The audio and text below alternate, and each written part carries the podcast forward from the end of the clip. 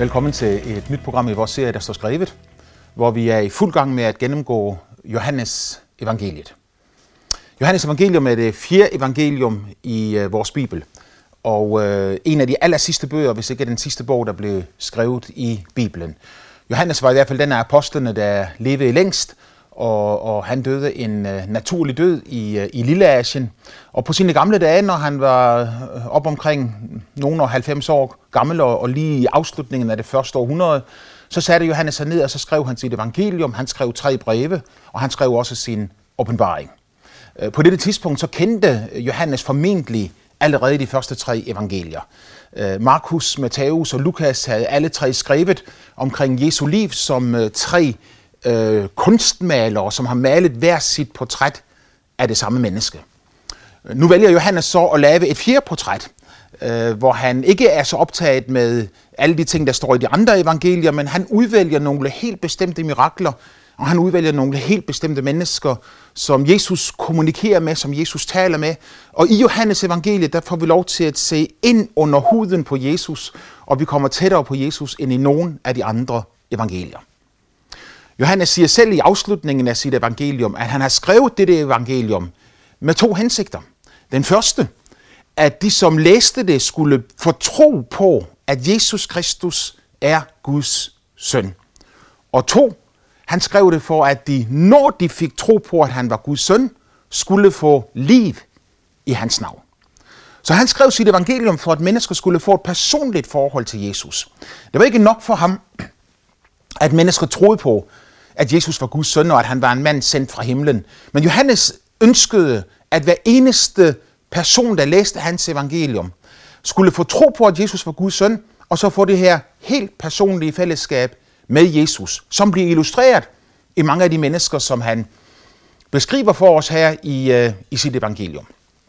Øh, vi er i dag kommet til afslutningen af det, af det fjerde kapitel, hvor Jesus han har en meget interessant øh, samtale med, en hedning, en kongelig embedsmand, muligvis en, en romersk embedsmand. Øh, men, men, men her ser vi, hvordan Jesus han øh, taler sammen med denne mand, og, og vi skal se på det om et, om et lille øjeblik. Men vi har allerede tidligere i øh, evangeliet dels set på Johannes, vidne, Johannes Døberens vidnesbyrd, øh, hvor Johannes Døberen, som var forløberen for Jesus og en, en mægtig profet, som var anerkendt i Israel på sin tid, han hele tiden viste bort fra sig selv, bort fra sig selv hen imod Jesus. Og han sagde, Jesus han er Guds lam, som borttager verdens synd, og han er den, som døber jer i helligånd og ild. Uh, han siger, at Jesus han skal vokse, men jeg skal aftage. Og på den måde så viste Johannes Døberen hele tiden hen til Jesus og forsøgte på at skabe en forberedelse for, at hele Israels folk skulle åbne deres hjerter, når Jesus, når deres Messias kom, og så tage imod ham. Øh, vi læser videre om, hvordan at Jesus han øh, i, øh, i, i det fjerde kapitel taler med den samaritanske kvinde. I det tredje kapitel taler han med Nikodemus. Og så nu her, i afslutningen af det fjerde kapitel, taler han med den romerske høvesmand. Når han først taler med Nikodemus i begyndelsen af det tredje kapitel, og vi der ser, hvordan Jesus og Nikodemus har en fantastisk interessant samtale, så har vi set på det i et tidligere program, men det er jo uendelig interessant, at Jesus her holder en prædiken, taler med et menneske på tomandshånd, kommunikerer med et andet menneske om hele hensigten med hans komme til jorden. Og, og Nicodemus han siger, at, at jeg tror, du er en lærer, men øh, hvad er det for noget, du er kommet med, så siger Jesus til ham, at du må blive født på ny. Han åbner Guds rige dør for ham, fortæller ham, hvordan han kommer ind i Guds rige, og så profeterer han faktisk om sin egen død, her allerede i begyndelsen af sin øh, tjeneste. Han profeterer om sin egen død, fordi han siger, som Moses opløftede slangen i ørkenen, sådan skal menneskesønnen løftes op fra jorden, for at enhver, som tror på ham, ikke skal fortabes, men have evigt liv. Så han profeterer om, hvordan han engang skal løftes op fra jorden. Det blev han, da han døde på Golgata Kors og blev navlet fast til korset der. Han profeterer om, hvordan at når mennesker ser ham hænge på det kors i tro, inviterer ham til at komme ind og blive herre i deres liv. At så skal de blive frelst og opleve ham som en levende realitet. Da han talte til Nikodemus, så mødte han menneskets intellektuelle behov, fordi han svarede på de spørgsmål, som Nikodemus stillede ham, og de hindringer, som intellektuelt var i vejen for, at Nikodemus kunne tage imod Jesus og tro, at Jesus var Guds søn, de blev bortryddet. Og øh, vi ser senere i afslutningen af Jesu liv, efter han er, han er død, at Nikodemus han øh, stadigvæk tror på Jesus og stadigvæk ønsker at følge Jesus. Han fik en reel gudsoplevelse i sit liv. De intellektuelle problemer blev banet af vejen, fordi Jesus svarede ham. Det kan du se nærmere øh, om i nogle af de tidligere programmer, vi har lavet her.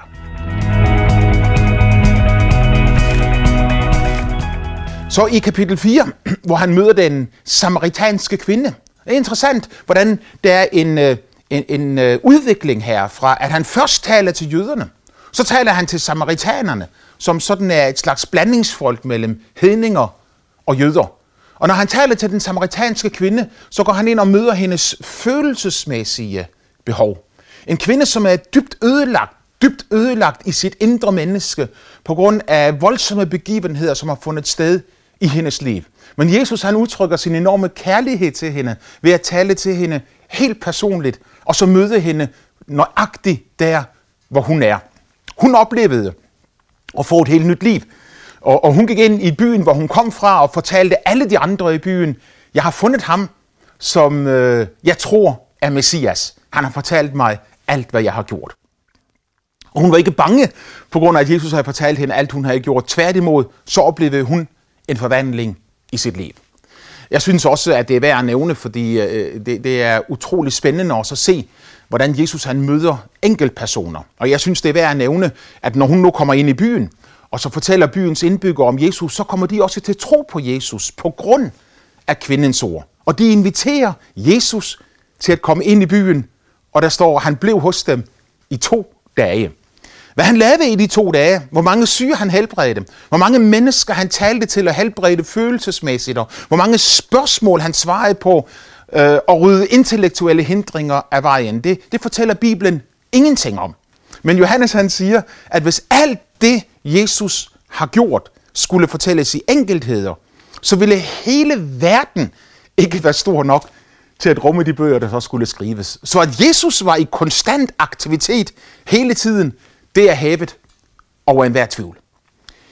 Når disse mennesker i Samaria, de så har været sammen med Jesus i to dage, så siger de, nu tror vi ikke længere på grund af det, som kvinden fortalte os. For nu har vi selv mødt ham, og nu ved vi, at han er Guds søn. Enormt stærkt, fantastisk at læse, hvordan tro kan blive til viden. Ja, tro bliver jo til viden, når troens genstand bliver åbenbaret. Du tror ting, du ikke har set, du bare har hørt om, indtil du ser det og oplever det. Så tror du det ikke længere, så ved du det. Øh, som når nogen siger til dig, at øh, Øh, det er en fantastisk oplevelse at sejle på cruise i Karibien. Det har jeg været nogle gange, øh, og har oplevet det som en, en rigtig dejlig og god ting. Men en ting er at tro det, noget andet er at vide det. Men i det øjeblik, du har gjort det og oplevet det, så ved du, hvordan det er. Nu ved vi, at han er Guds søn, sagde de. Et hvert menneske kan få lov til at opleve det. Du som ser på mig, kan få lov til at opleve det. At tro på Jesus, og så opleve at være sammen med ham, så din tro bliver til vidshed, viden. Og du siger, jeg ved, at Jesus lever. Jeg kan sige det af hele mit hjerte. Øh, der er mange ting, jeg kan komme i tvivl om. Jeg kan komme i tvivl om mig selv, jeg kan komme i tvivl om andre mennesker. Men jeg kan aldrig nogensinde tvivle på, at Jesus lever. Øh, lige så lidt som jeg kan tvivle på øh, øh, lyset, øh, bordet, tingene omkring mig, det, det jeg har set og hørt og rørt. Jeg, jeg, jeg har ikke set Jesus med mine fysiske øjne, men jeg har set ham med mine åndelige øjne, og jeg har set virkningerne af ham. Øh, Jesus selv siger jo, at når et menneske lærer ham at kende, så er det fordi Guds ånd kommer ind og tager bolig i hans indre menneske. Vinden blæser, hvorhen den vil, og du hører den susen, men du ved ikke, hvorfra den kommer, eller hvor den far hen. Sådan, siger Jesus, er det med enhver, som er født af ånden. Så vinden kan du ikke se. Ingen har set vinden. Vinden kan ikke ses. Det eneste, vi kan se, det er resultaterne af vinden. Øh, jeg er alene hjemme lige nu, fordi øh, min kone hun er ude at rejse på øh, en, en konference, så jeg er helt alene hjemme i et stort hus. Og jeg blev lidt overrasket i går, da der lige pludselig sagde bum bum bum øh, ovenpå, og jeg tænkte, hvem er det, der løber rundt deroppe? Øh, når jeg så går op for at se efter, hvem det er, der løber rundt, så er det altså ingen, der løber rundt, men det er en kraftig vind, der blæser. Og ude på terrassen, så har den taget fat i nogle af de stole, der står derude, og, og ryster dem frem og tilbage, og, og, og, og blæser sneen ned fra taget, så øh, det begynder at larme.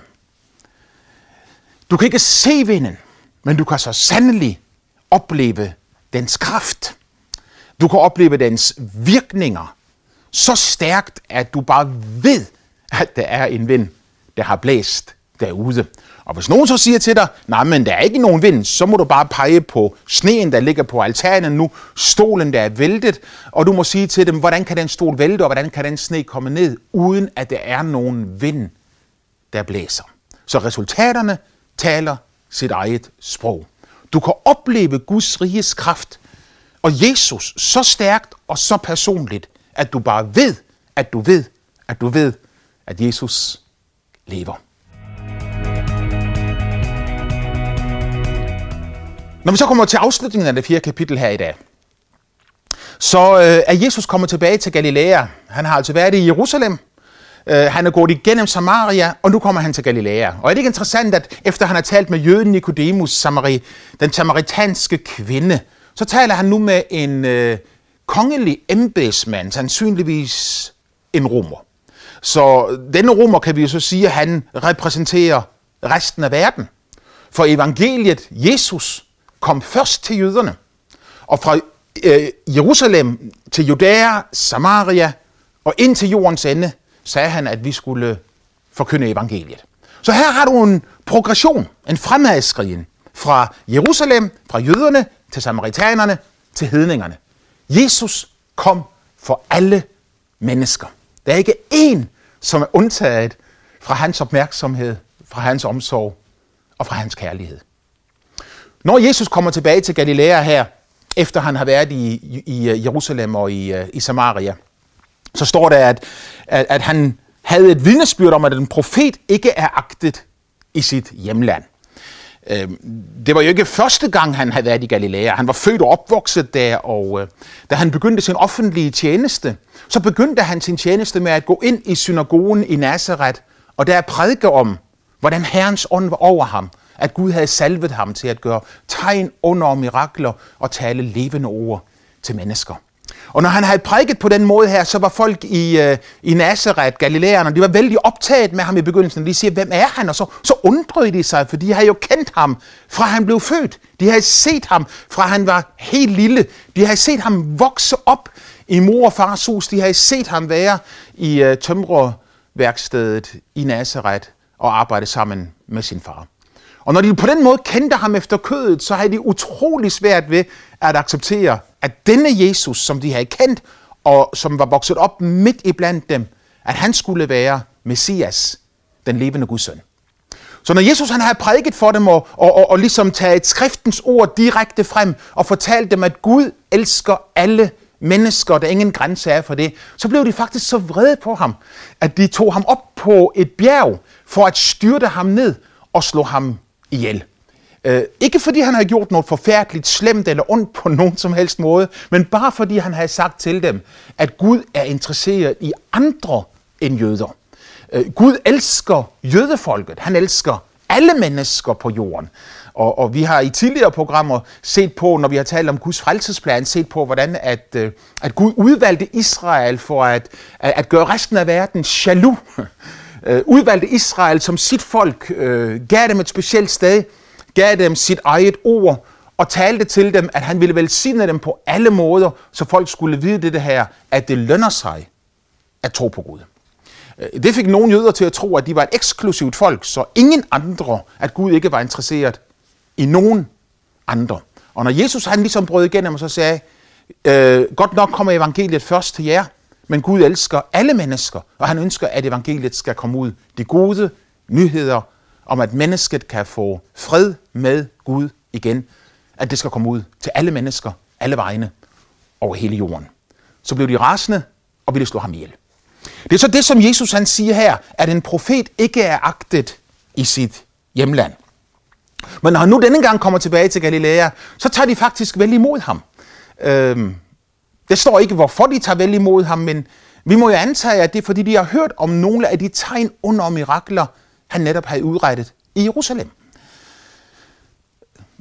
Bibelen fortæller os ikke i, i detaljer, hvilke under og tegn og mirakler han udrettede i Jerusalem, men siger bare til os, at han udrettede tegn under og mirakler der. Johannes han har jo bare valgt nogle enkle ud, for igennem dem at give os et budskab om Jesu enorme, fantastiske kærlighed til alle mennesker. Øh, og måske de også troede på ham, fordi de stadigvæk kunne huske, hvordan han gjorde sit første mirakel i Kana i Galilea, hvor han forvandlede vand til vin. Og interessant er det, at nu kommer han tilbage til nøjagtigt samme sted, nemlig Kana i Galilea. Og mens han er der, så fortæller skriften, hvordan der fra Kapernaum, øh, en by, der ligger et lille stykke derfra, øh, kommer en kongelig embedsmand til Jesus. Han kommer til Jesus, fordi hans søn er syg. Han kommer altså ikke til Jesus, fordi han tror, at Jesus er Guds søn. Han kommer ikke til Jesus, fordi han tror, at Jesus han er Messias. Øh, han kommer til Jesus udelukkende, fordi han har en søn, som er syg. Ja, ikke bare syg, han er dødssyg. Han ligger på grænsen mellem livet og døden. Og så har han hørt, at Jesus er kommet fra Judæa til Galilea. Og han må jo også have hørt om nogle af de tegn og under og mirakler, som Jesus gjorde. Han må have hørt, at Jesus ikke bare er en religionsforkynder. Han er ikke bare en, der fortæller dig, vær sød ved, vær sød ved, ved, ved andre mennesker, så vil de være søde ved dig, og, og være gode mod andre, så vil de også være gode mod dig, og som du gør mod andre, sådan vil de gøre mod dig. Jesus var ikke bare en, som kom med ord. Han havde hørt, at denne Jesus, som talte som ingen anden nogensinde havde talt, at han gik rundt og helbredte syge, rense spedalske, opvagte døde, og Guds riges kraft blev demonstreret i hans liv. Derfor kommer han til Jesus. Og det står her i vers 47, at han bad ham om, at han ville komme og helbrede ham. Øh, dette ord, han bad ham om, at han ville komme og helbrede sin søn. Øh, i, øh, i, fra græsk så ligger der i ordet ikke bare, at han bad en bøn en gang og sagde, kære Jesus, vil du godt hjælpe min søn? Men, men der ligger faktisk det i ordet, at han bad og blev ved med at bede.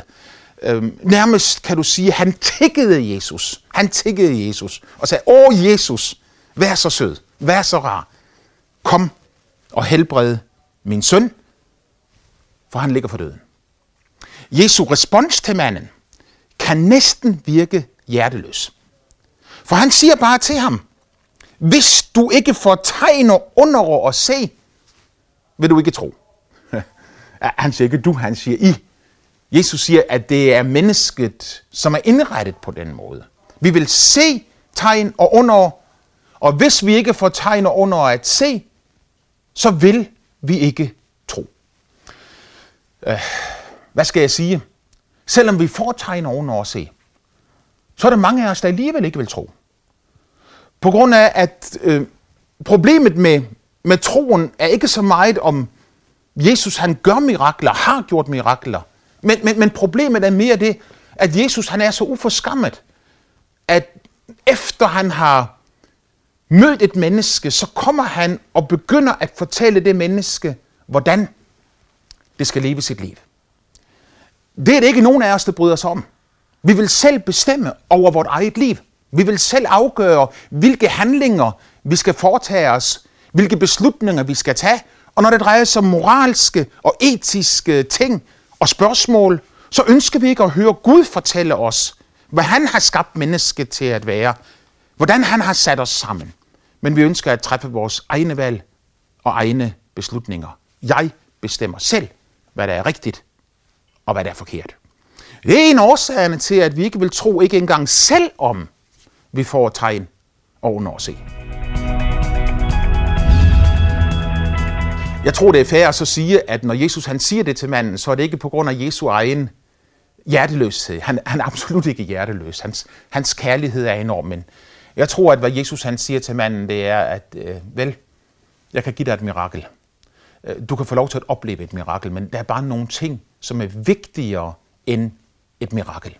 Langt vigtigere end at se Gud gøre et mirakel, et tegn og et under, så er det for Jesus, at et menneske kommer ind i livsfællesskab med ham.